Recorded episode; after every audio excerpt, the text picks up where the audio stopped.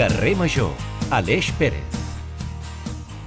Molt bona tarda a totes i a tots. Estan sintonitzant Carrer Major, el programa de les 8 emissores de ràdio del Camp de Tarragona. Baix Camp Ràdio, Ràdio L'Hospitalet, Altafulla Ràdio, La Nova Ràdio de Reus, Ràdio Ciutat de Tarragona, Ona la Torre, Ràdio La Selva i Ràdio Montblanc. Espero que hagin gaudit aquest cap de setmana, com ha fet tot l'equip que fa possible de dilluns a divendres Carrer Major. Avui els porto una història curiosa on ens hem de remuntar a 1977, quan en un article de Robert Wilson explica una teoria que li va explicar el mateix William Burroughs. Aquesta era molt senzilla. En molts moments de la història, liant la vida comú de la gent, hi ha un número que apareix moltes més vegades que la resta, ja sigui de manera visible o amagada. En aquest cas és el 23. Burroughs, que per cert va pertànyer també a la generació beat nord-americana com Jack Kerouac o Allen Ginsberg, va conèixer un capità al 1960 que portava 23 anys navegant i no havia tingut cap accident. Bé, doncs fins que va sentir el butlletí que aquest mateix vaixell va enfonsar-se amb tots els passatgers en aquell mateix any. I, de fet, al mateix informatiu també es va estavellar un avió, que era el vol número 23. Per tots aquells que s'ho preguntin, hi ha un regalai de números 23 repartits per tota la història. Els llibres apunten que Juli César va ser punyalat 23 vegades, si sumes tots els números del 15 d'abril, és a dir, 15 del 04 de 1912, també dona 23 amb l'enfonsament del Titanic, igual amb les dates de naixement i mort de Kurt Cobain, la data d'assassinat de Kennedy i inclús els atentats de les Torres Bessones, o el famós 23 de Michael Jordan. Jordan, moltes dates i xifres i moments que podria estar enumerant durant moltes hores, però aquesta teoria també arriba al nostre dia a dia, i per això li pregunto al meu company, l'Antonio Mellado, si s'ha trobat alguna vegada amb molts 23. Molt, bona, molt bon dilluns, Antonio, com estàs? Hola, molt bon dilluns, Aleix. Doncs eh, la veritat és que, que potser sí, eh, que el 23 és un número que està més present. Ara que m'hi paro a pensar, hi ha molta gent que... I que el seu número preferit és el número 23, eh? Número de la sort, número fins i tot a vegades de desgràcies. És un número que sí, està més present que la resta, com el 6. I sobretot ara que s'acosta Halloween, el 6, el 6 i el 6, també és un número que, que sentirem bastant aquests dies. Efectivament, Antonio, aquí la gent ja sabrà per què he escollit aquest discurs avui, però bueno, deixarem també aquesta pista que la gent li doni un parell de voltes. El que sí que no falla i un altre número màgic és el número 1, el nostre Special One, el Diego Moreno, que és el nostre tècnic i que s'assegura que tot vagi sobre rodes. Som-hi, fot-li, Iago! Carrer Major, el primer programa del Camp de Tarragona.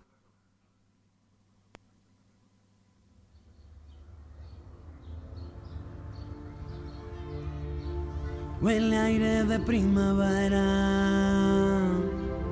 Tengo alergia en el corazón. Voy cantando por la carretera. De copiloto llevo el sol.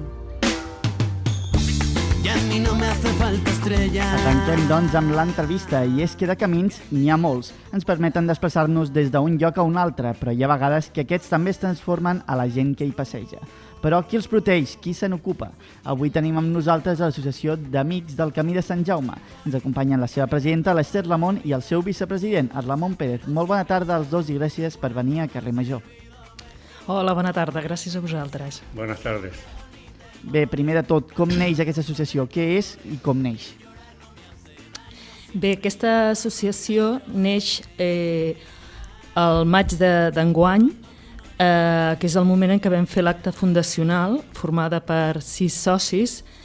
Eh, això va sorgir arrel d'un encontre que va tenir el Ramon en els, en els seus camins amb el coordinador, en Francesc Suárez, el coordinador de, de les associacions del Camí de Sant Jaume de Catalunya, que li va proposar doncs, eh, fer una associació en aquesta zona per tal de tenir aquesta zona coberta en quant a aquest teixit. I bueno, ell m'ho va proposar a mi, eh, ens vam posar d'acord, vam trobar més gent interessada, això està creixent una miqueta, a poc a poc, esperem que creixi més, però va sorgir així d'aquesta manera. Uh, bona tarda, Esther, bona tarda, Ramon. Uh, som conscients aquí que tenim una part del camí de Sant Jaume o, o és desconeguda aquesta part? No, no creo que esté muy reconocido. Eh, está puesta las, las, baldosas en la calle Mayor y, y, entrando al pueblo, pero los ciudadanos del pueblo no, no están muy por la labor. I per què Bé. creu que, que es deu això? Bé, jo, Jo crec que, que bé, hi ha una certa cultura de, del camí de Sant Jaume, la gent entén el camí de Sant Jaume pel camí de Santiago, potser, sent sincera, també diria que es, es relaciona una mica amb algú castellà i aquí doncs, tenim la tendència aquesta de ser més catalanistes i potser pot, pot ser algú en contra d'aquesta eh, bueno, fet, no? del fet jacobeu.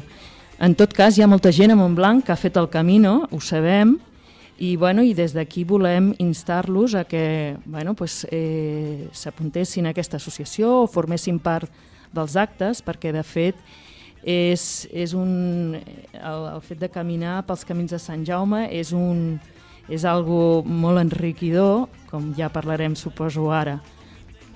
Sí, perquè, com ha dit el company Aleix al començar, aquests camins tenen un significat molt especial per la gent que els transita, no? és a dir, hi ha aquest component emocional que tenen els camins, en el cas del camí de Sant Jaume, suposo que també també hi és, no?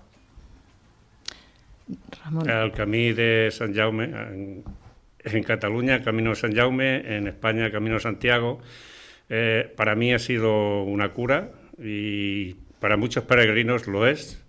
No es un camino que se hace para hacer vacaciones, simplemente eh, es un camino espiritual o no, però no per a fer vacaciones.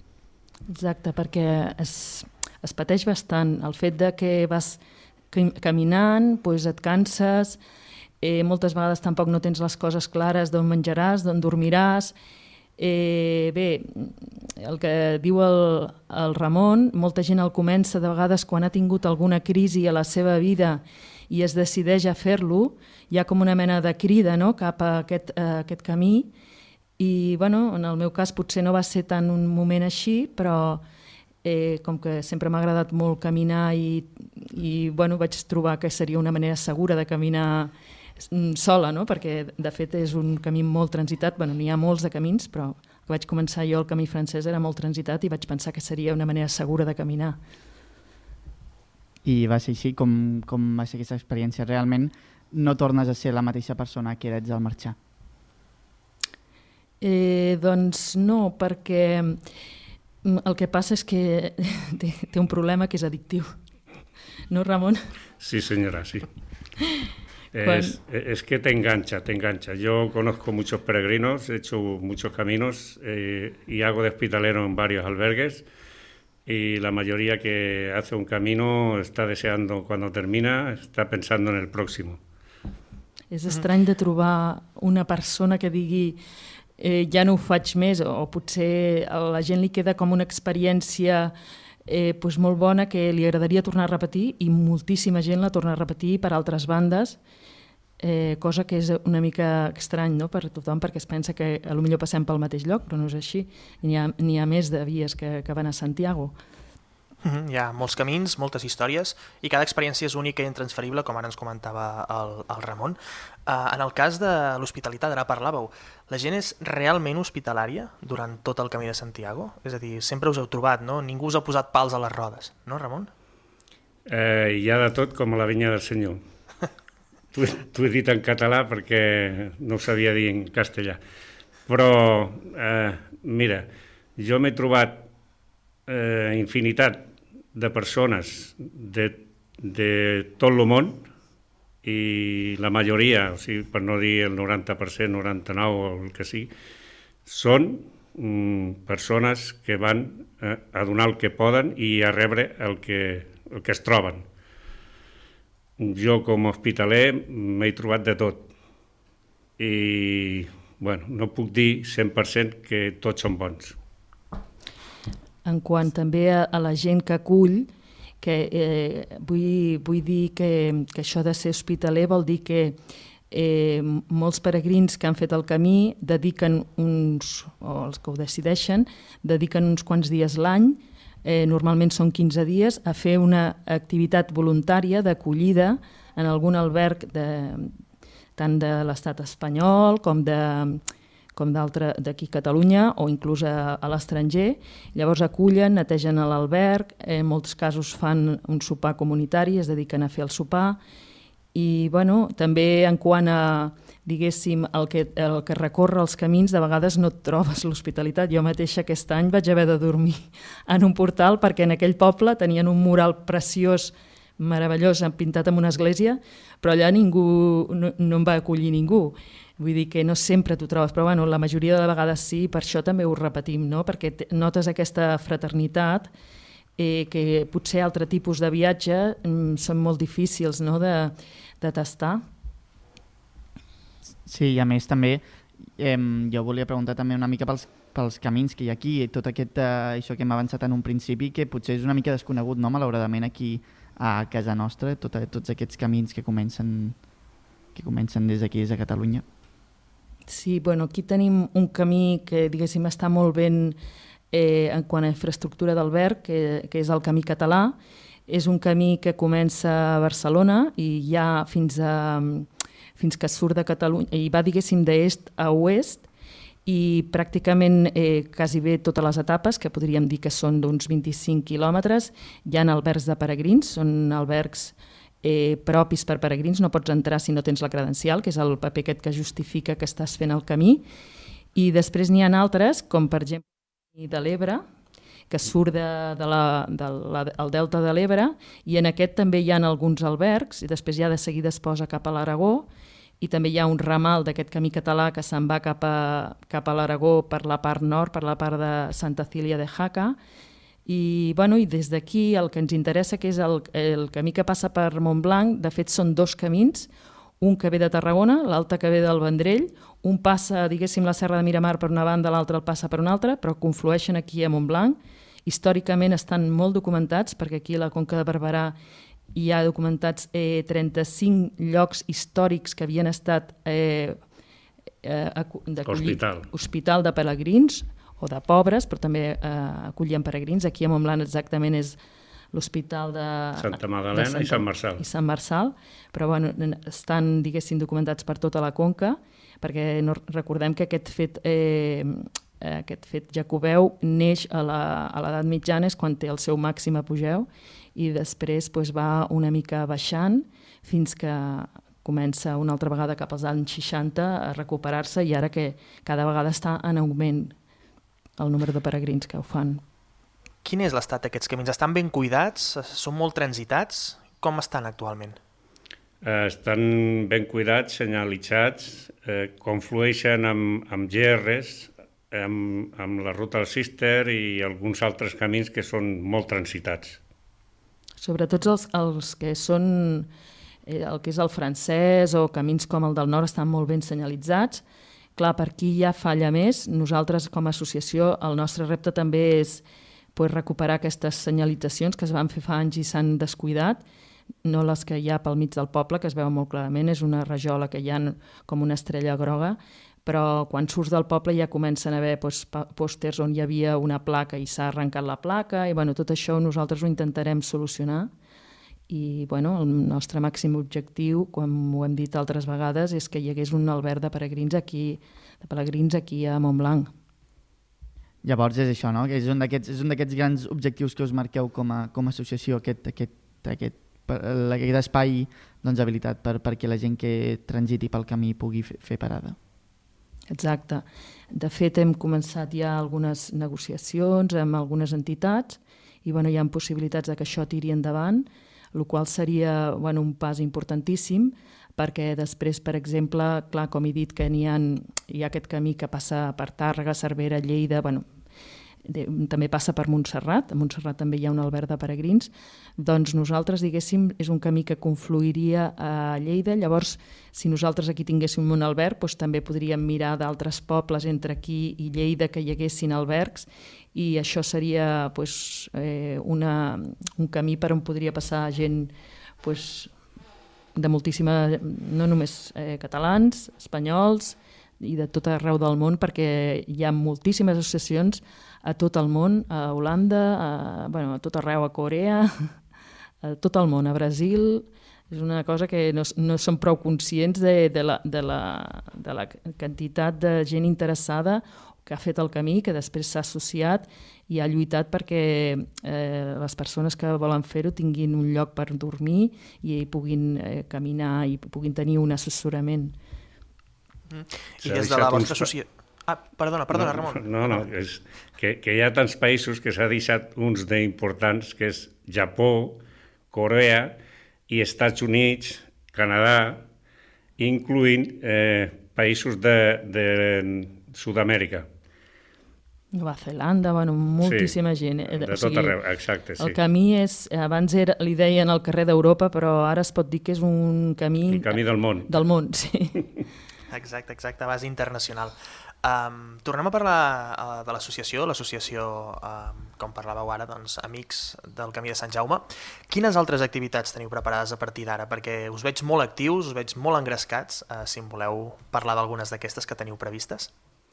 Bé, eh, el mes que ve, eh, crec que és cap a la setmana del 20, ja ho farem pública en els mitjans de comunicació, farem una sortida que sortirà des de Santes Creus, mirarem d'arribar a Montblanc, no sé si serà possible, o bé que hi hagin dues parades, qui no vulgui caminar tant doncs es pot quedar a la meitat, i possiblement sortim amb pintura groga, que, que com no sé si la gent ho sap, la fletxa groga és un dels símbols del camí, a part de la vieira, per senyalitzar aquells trossos que potser són de, de més confusió.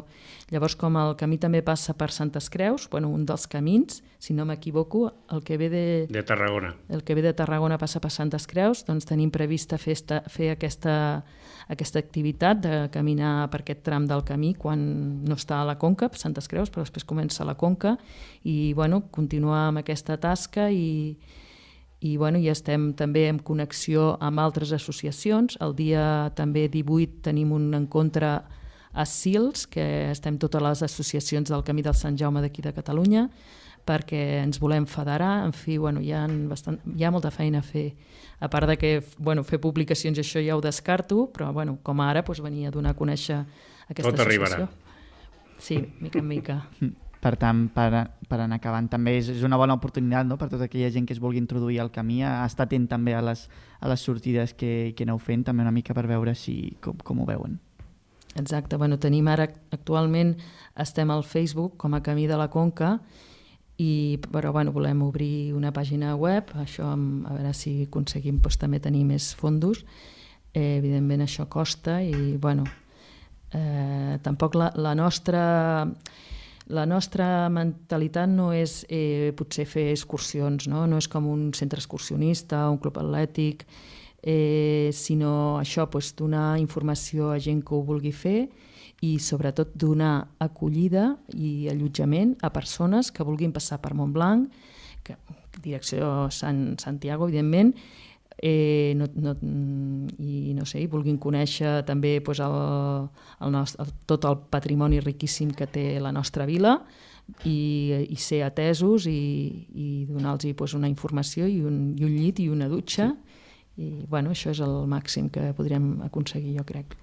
Molt bé, doncs Bueno. moltíssimes gràcies, perdó, ja anem justos de, de temps i us he d'acomiadar ja. Moltíssimes gràcies, Esther, Esther Ramon, presidenta, i Ramon Pérez, vicepresident de l'Associació de Camins de Sant Jaume. Estarem atents a totes les activitats i tota, i tota aquesta feina no? que, que esteu començant i, i esperem que sigui per molts anys més. Moltes gràcies. A vostès. Molt, moltes gràcies. Moltes gràcies. Adéu. Carrer Major, totes les veus del territori.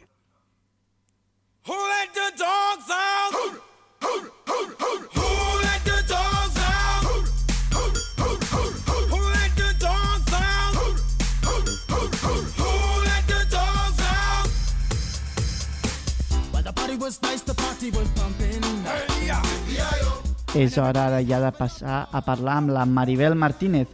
Com ja saben, ella és la nostra veterinària de confiança, amb qui tractem els assumptes que afecten els animals de companyia.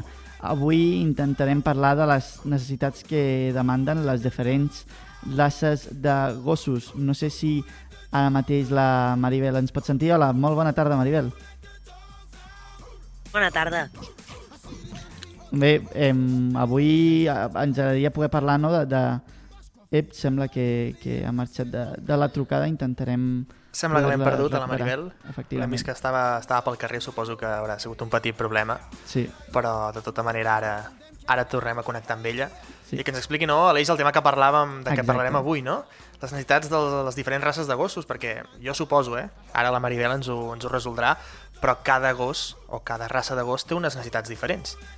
Efectivament, que, que serà una, una conversa molt interessant poder saber-ho i a més també l'he plantejat en la segona part de, de, de la secció també un petit joc, un, unes petites recomanacions, uns tips, un, uns consells on anirem emulant diferents situacions familiars de diferents persones en diferents moments de la seva vida per veure també què ens recomana, què s'ha de fer o què, o què no s'ha de fer en les diferents situacions que li aniré plantejant. Doncs mira, uh, estarem, estarem atents i sobretot per la gent que tingui mascotes, que tingui gossos, que, que prengui nota de, de tot plegat perquè, de fet, aprendrem molt. De fet, amb la Maribel sempre aprenem molt. No només amb Sí. la Maribel, sinó amb tots els nostres col·laboradors, perquè a l'Eix tenim molt bons col·laboradors a Carrer Major i cada dia doncs, ens donen, cadascun d'ells ens aporta coses, coses Ep, diferents. No? Sí. Sembla que tenim la Maribel ara per via telefònica. Hola, bona. Ara sí? Hola, bones, Maribel? Ara sí, ara sí. Ara Hola, sí. molt, molt bona tarda. Gràcies. Bé, voldria començar preguntant això, que la gent a vegades no és conscient no? que les diferents races de gossos tenen diferents necessitats. Sí, i, i més aviat també la gent, nosaltres, tenim necessitats diferents com a tria de raça, doncs, perquè cada, cada persona, segons el seu estil de vida o, o la seva activitat diària, doncs, doncs pot tenir un- una raça més o menys indicada, que, que cada gos té la, la seva manera de fer i de funcionar i les seves coses que ha de fer cada dia i, i, i hi ha un gos indicat per cada personatge.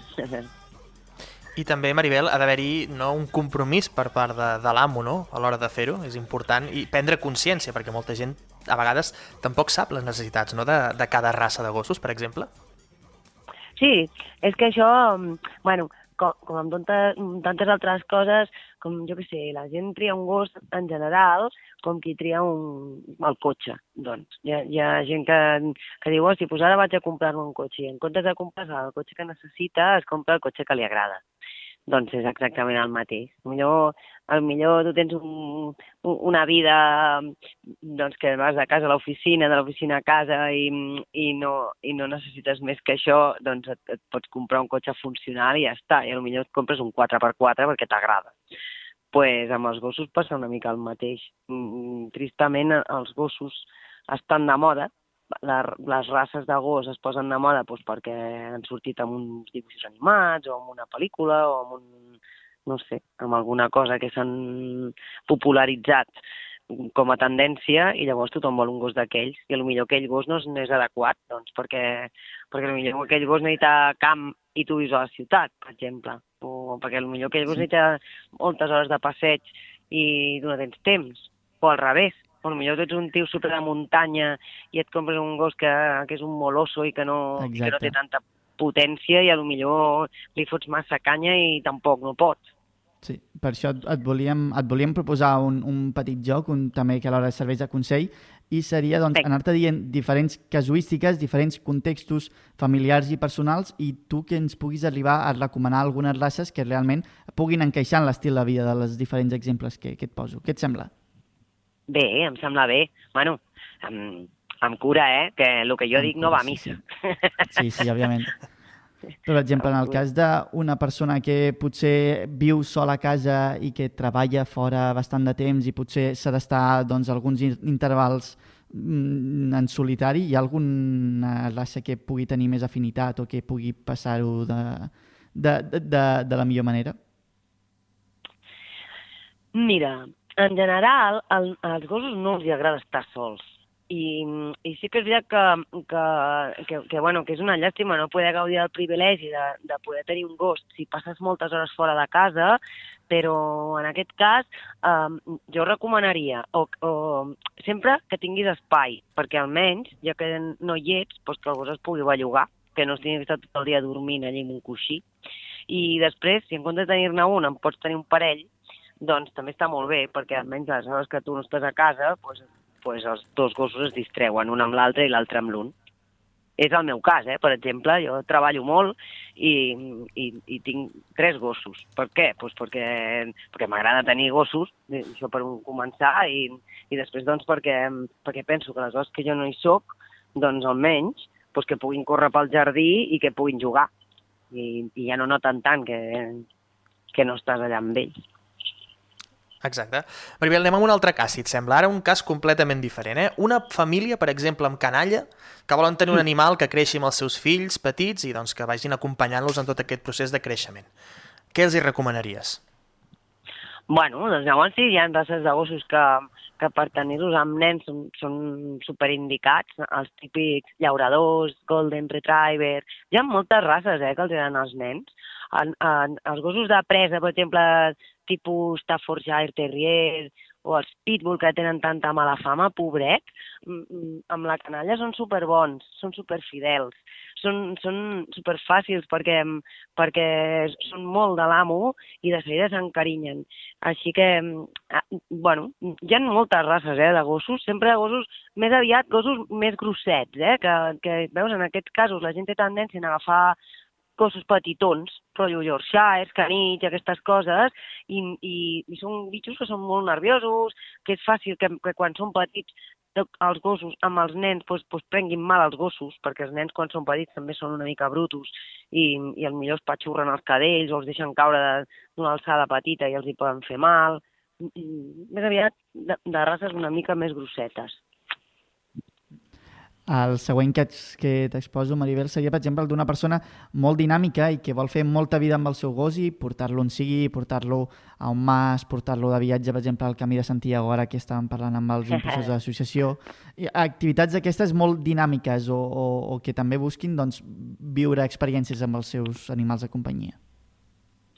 Doncs mira, si, si, si tu ets una persona molt dinàmica i tens temps i, i ganes de fer coses amb el teu gos, doncs qualsevol gos de treball que diuen, doncs qualsevol gos que pugui ser un gos pastor, com, com pot ser, no sé, un pastor alemà, un pastor belga, un, un pastor de brí, un, un, ara s'han posat molt de moda els border collie, que veus, els border collie són gossos que ara la gent els agafa mm, per tenir-los en família, però realment no fan aquestes coses de donar-li molta canya i molta activitat, i els gossos de treball el que volen és treballar i, i és molt xulo tenir un border collie perquè, perquè són molt macos i són molt bons i tot, però, però realment n'hi ha molts que estan desquiciats perquè viuen en llocs petits, perquè surten a passejar amb, amb corretja i perquè no els hi deixen fer feina. Llavors aquests gossos a vegades tenen trastorns obsessius eh, i es tornen fins i tot agressius perquè no estan al lloc indicat.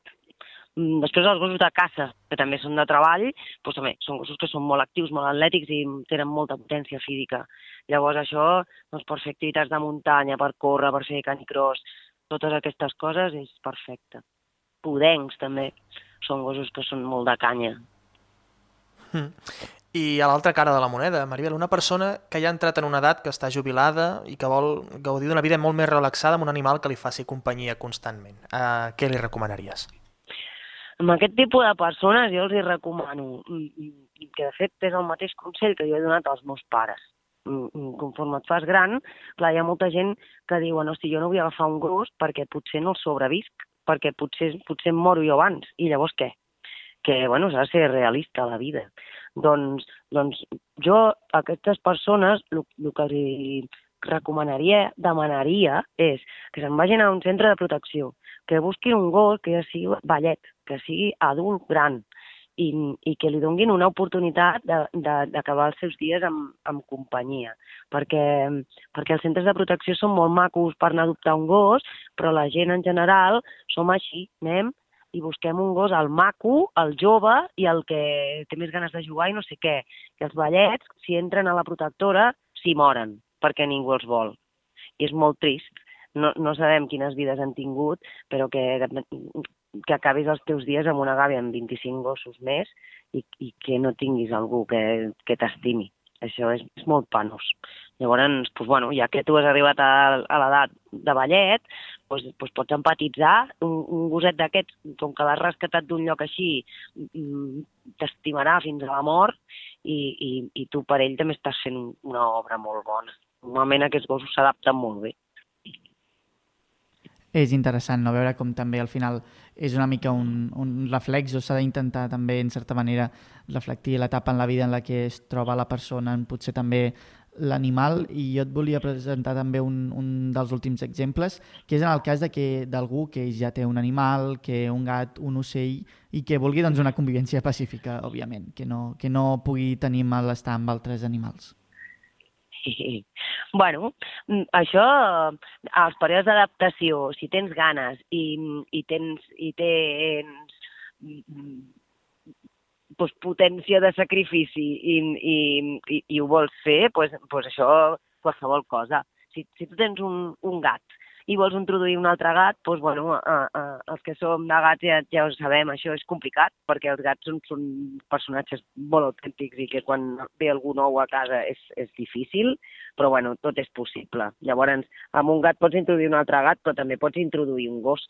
Ara, és millor que si tens un gat i introdueixis un, un gos cadell, perquè així el gat és el que ja estava allà i el cadell conforme va creixent es va adaptant, cap problema introduir un gat en una casa que hi hagi un gos adult, doncs al revés, el gat cadell, perquè així l'adult doncs, el veu petit i inofensiu i després poquet a poquet el va veient com creix i, i el període d'adaptació doncs, és bastant més simple que, que introduir un gat gran. Els gats adults amb els gossos adults és complicat de, de que s'avinguin. Si tens un ocell, pues, bueno, ja és una mica arriscat agafar un gat o agafar segons quins tipus de gos que potser pues, se'l volen cruspir però bueno, mm, mm, amb ganes es pot fer. I després també hi ha els, els educadors canins i felins, està clar, que, que ens poden donar un cop de mà en, en un cas així. I, i bueno, igual no arribem nosaltres a, a poder-ho controlar, però bueno, amb supervisió tot és possible. Doncs bé, moltíssimes gràcies, Maribel. T'hem posat un repte, jo crec que avui t'hem posat diferents escenaris, però crec que, que hem tret doncs molts, molts consells i moltes recomanacions jo crec que molt interessants per tots aquells que potser estiguin pensant, no?, si volen augmentar la, sí. la família. Sí, sí, i tant. Sí. Bueno. Do, sí, doncs moltíssimes gràcies, Maribel, pel teu temps i per, i per venir doncs, una vegada més aquí a Carrer Major a, a descobrir tots els secrets dels animals de companyia. Moltes gràcies a vosaltres. Ens parlem d'aquí 15 Adéu. dies. Gràcies. Vinga, adéu-siau. Estàs escoltant Carrer Major.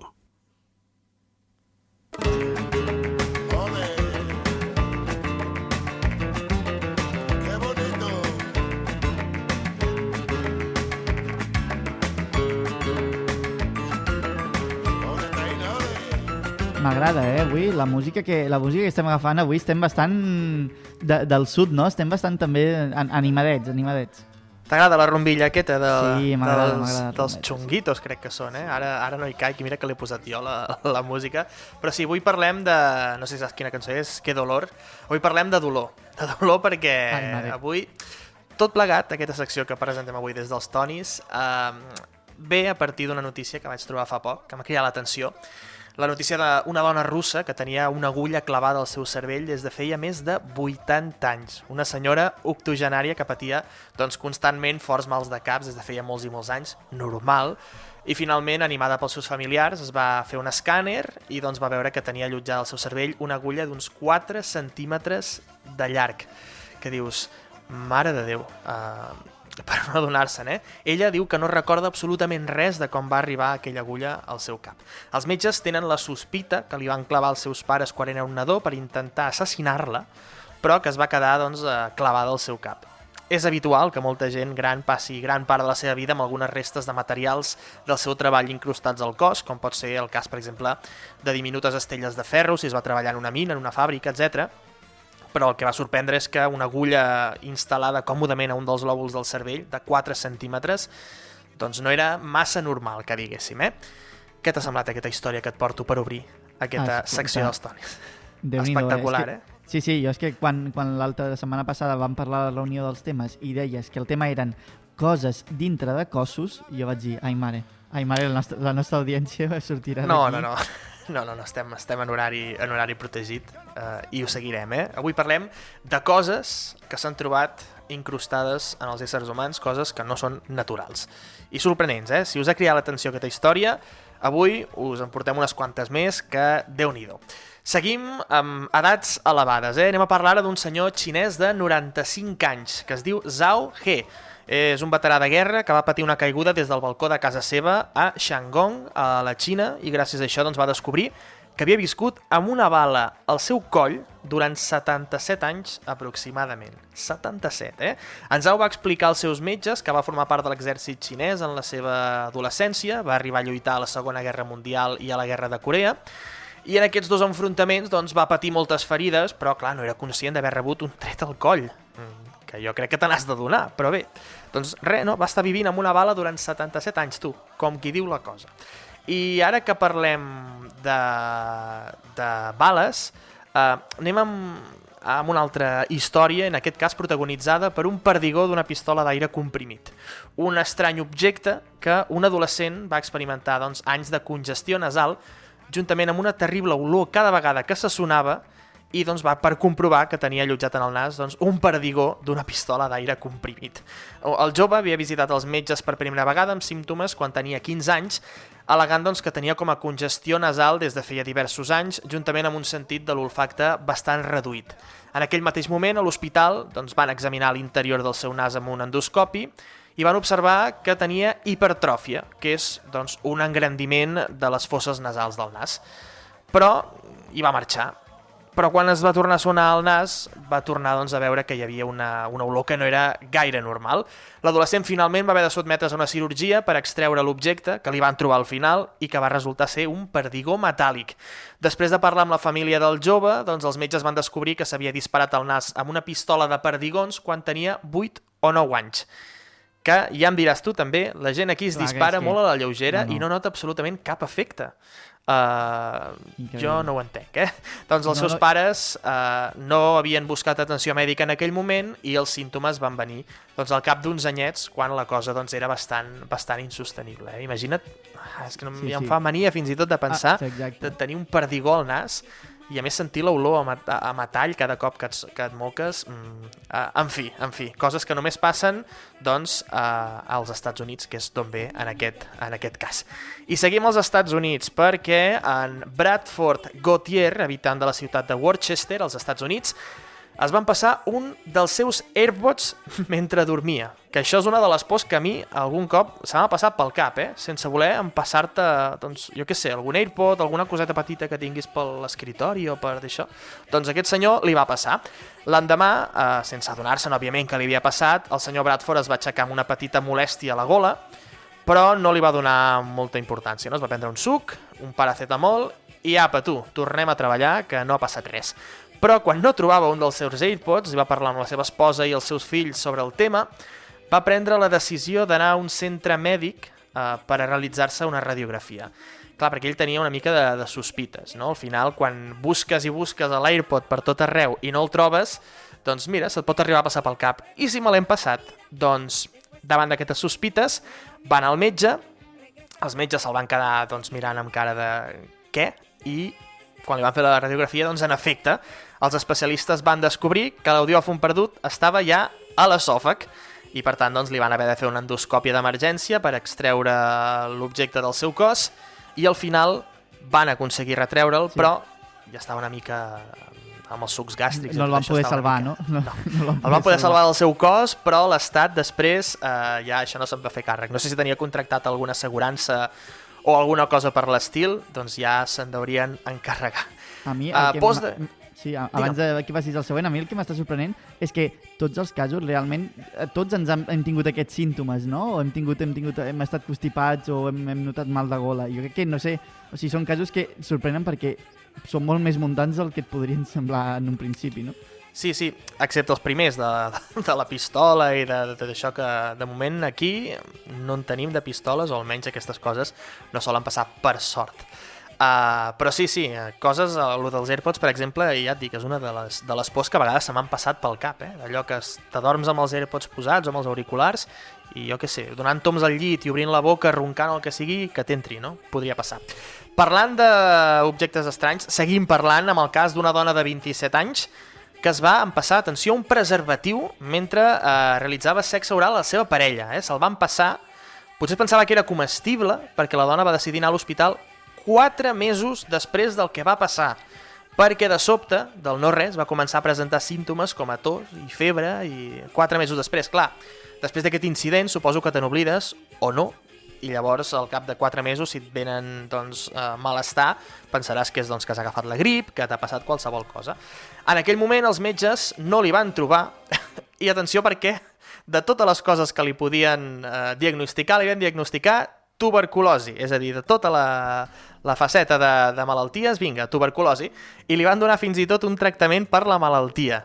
No obstant això, i òbviament, doncs no va haver-hi millora en el seu estat de salut i per tant li van haver de fer una, uh, una altra uh, operació, no? una opinió d'altres especialistes i els metges, després de moltes exploracions, van trobar que la dona tenia un preservatiu allotjat al lòbul superior del pulmó dret. Atenció, eh? Havia anat al pulmó, ja ni a l'esòfag, eh? en aquest cas, ni a l'estómac, no, no, havia anat directament al pulmó.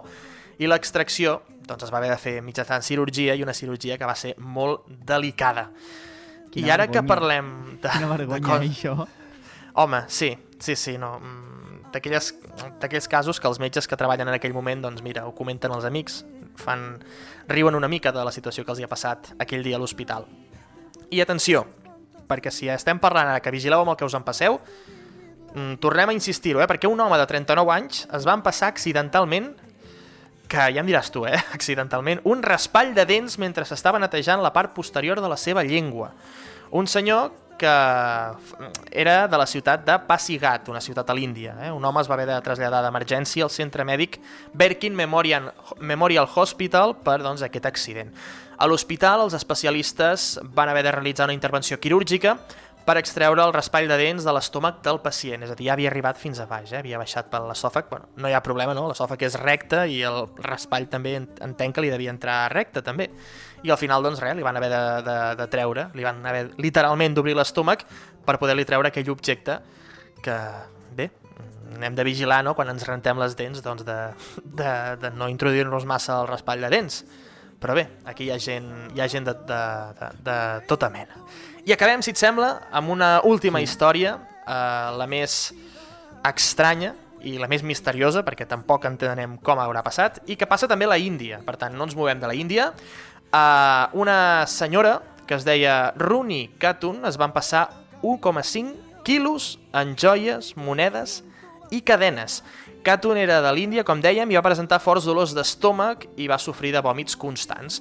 Això els seus familiars, doncs, òbviament, que són persones que es preocupen, doncs també es van esglaiar una mica. Per la salut i i, va... i, pels, i pels diners també. I Per pels, i els pels diners, clar, ja van veure com anaven desapareixent coses i deien, ostres, tenim un lladre i a sobre tenim a la, a la dona malalta. Doncs eh, els seus familiars la van portar al centre mèdic Rampurhat per determinar les causes dels seus símptomes i després de les anàlisis que li van fer els metges i tal i qual, doncs els especialistes van trobar que els objectes estaven allotjats a l'estómac de la dona. L'equip de metges va començar a treure coses, eh? i allò era un no parar, es veu, eh? Vam treure primer cadenes, que si anells, que si monedes, que si claus, cadenats i, atenció, fins a un rellotge de pulsera del cos de la pacient.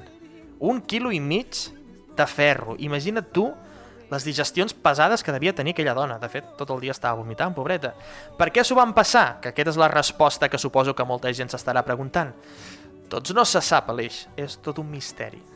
És, és increïble, eh? M'agrada perquè la Índia també és un lloc on també passen moltes més coses d'aquestes, saps? Hi ha coses que o passen als Estats Units o passen a la Índia. Exacte, la Índia últimament s'està posant bastant amunt en el top de països on passen coses estranyes. Eh? Ja els Estats Units ja no té l'exclusivitat aquesta, eh? Ara la Índia també també han costat. I a Xina, ojo, passa molta gent allà també, eh? Mm, coses estranyes, com avui hem vist els tonis, no? Coses que s'han passat la gent i que han aparegut a l'estómac, sobretot.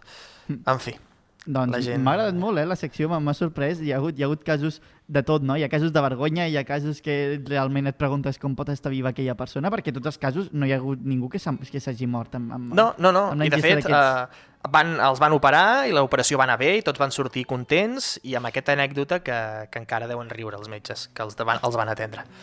Però així és la vida, tu. Passen coses estranyes a vegades. Efectivament, doncs moltíssimes gràcies, Antonio Mellado. I ara és hora de passar doncs, a una mica de música, a anar complementant el que ve ser aquest programa, anar-lo rodorint amb la banda sonora que ens ha preparat el David Fernández. De veure com sona. Som-hi.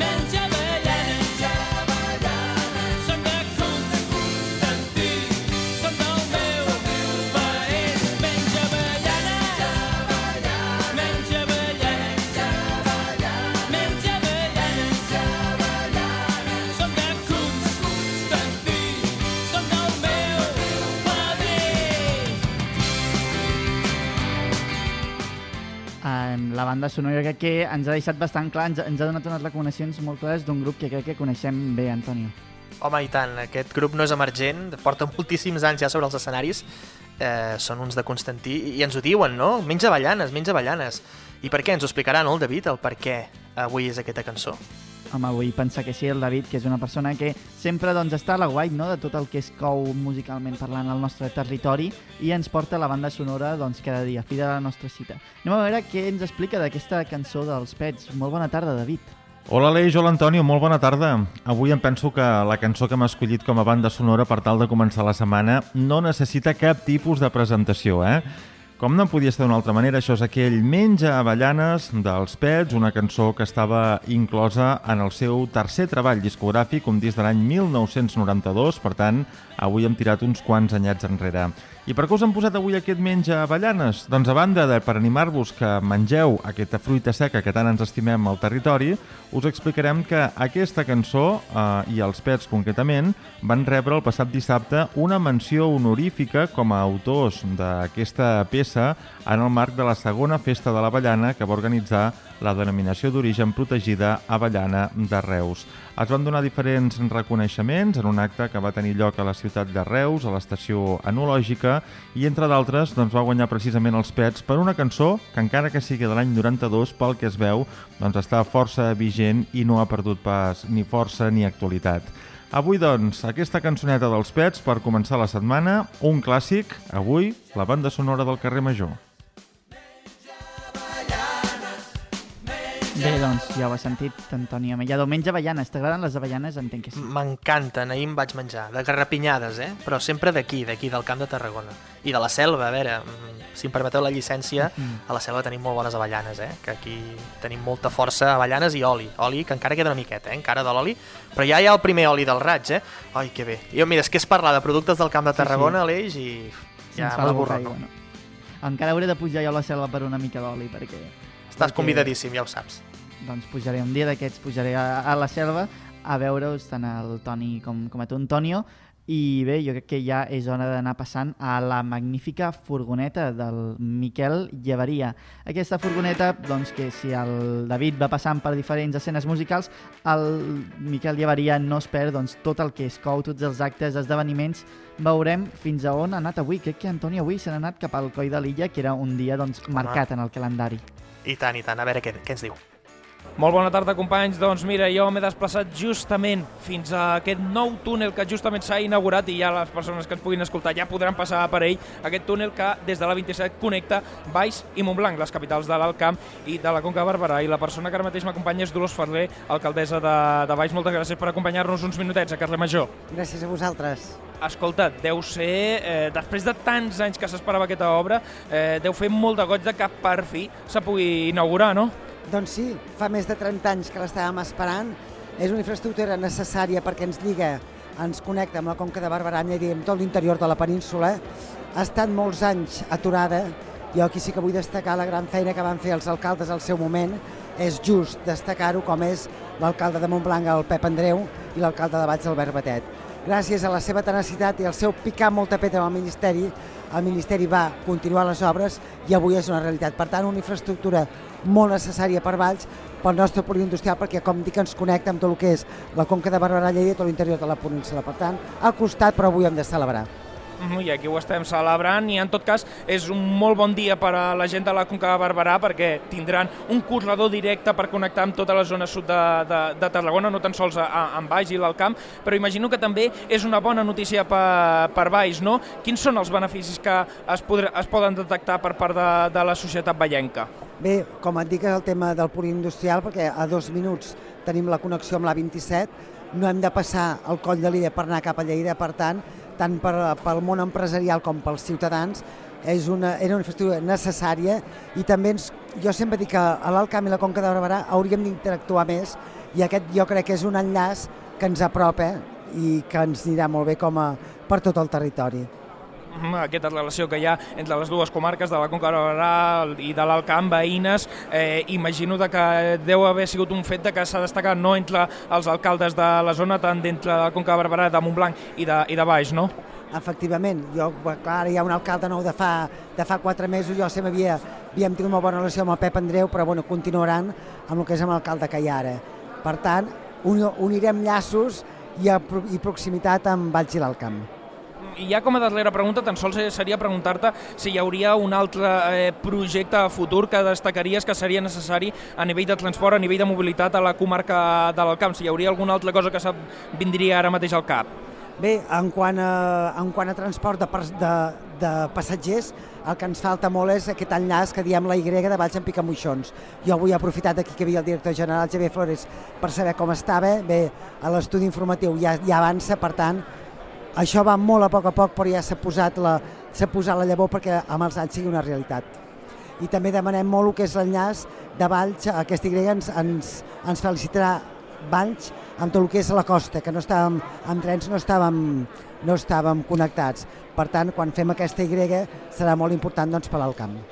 Mm -hmm, doncs, sens dubte, tota una gran notícia per a la gent de tot el Camp de Tarragona, sobretot de la Conca Barberà i de l'Alt Camp. En tot cas, Dolors Ferrer, alcaldessa de Baix, moltes gràcies per haver-nos acompanyat uns minutets. Moltes gràcies a vosaltres. Doncs, oi, ja ho heu escoltat. Ara ja teniu obert aquest túnel, així que ja el podeu anar fent. Molt bé, moltes gràcies, Vinga. Miquel. Sí, sí, anirem, ara anirem, que serà acabar el programa i anirem directes a, a veure el Coll de l'Illa, però sí que realment és una data molt marcada per, per la gent de, de la Conca no? I, de, i de Montblanc també, que, que realment doncs, era una cosa que necessitàvem molt. Ui, tant, portaven més de 25 anys ja reivindicant i, i, i fins i tot ja projectat. El que passa és que ha tardat 15 anys més de l'habitual sí. per doncs, problemes, subministraments, pandèmia entremig, i al final, doncs això, la gent, la gent que va de Valls a Montblanc, eh, gent que va treballar d'un lloc a l'altre, ara ho tindrà molt més fàcil. Em sembla que són 5 minuts que s'estalviaran sí. i podran passar per trajectes molt més rectes. Així que, mira, me n'alegro molt per ells i, sobretot, per fi, aquí al Camp de Tarragona ja podem tenir una d'aquelles obres puntals que fa molts anys que s'estaven projectant. Ara falta la del tramvia aquest que s'està projectant també, no? que aniria per la, sí. per la Costa Daurada. Sí, sí, a veure sí que... quan tardem en, en fer-ho això i si estem aquí a Carrer Major per informar-ho. Espero que sí. Exacte, aquesta que, que sigui una, una mica més pariat, però jo estic segur que el Miquel ha sigut dels primers en passar pel coll de l'illa amb, la, amb la seva furgó. Jo no oh, sé com, com t'imagines tu què és la furgó. Jo, jo tenia com un imaginari col·lectiu fins que vaig veure la furgó i vaig dir, ostres, és, és... algun dia en parlarem de com és la furgó del Miquel Llevaria. Sí, sí, no ens ho podrà explicar ell. Jo me l'imagino una mica trotinada, eh? perquè ha fet molts sí, quilòmetres. Sí, molts eh? quilòmetres. Com ha fet molts quilòmetres aquest capítol, ens veiem demà. Vagi bé, a reveure. Adeu.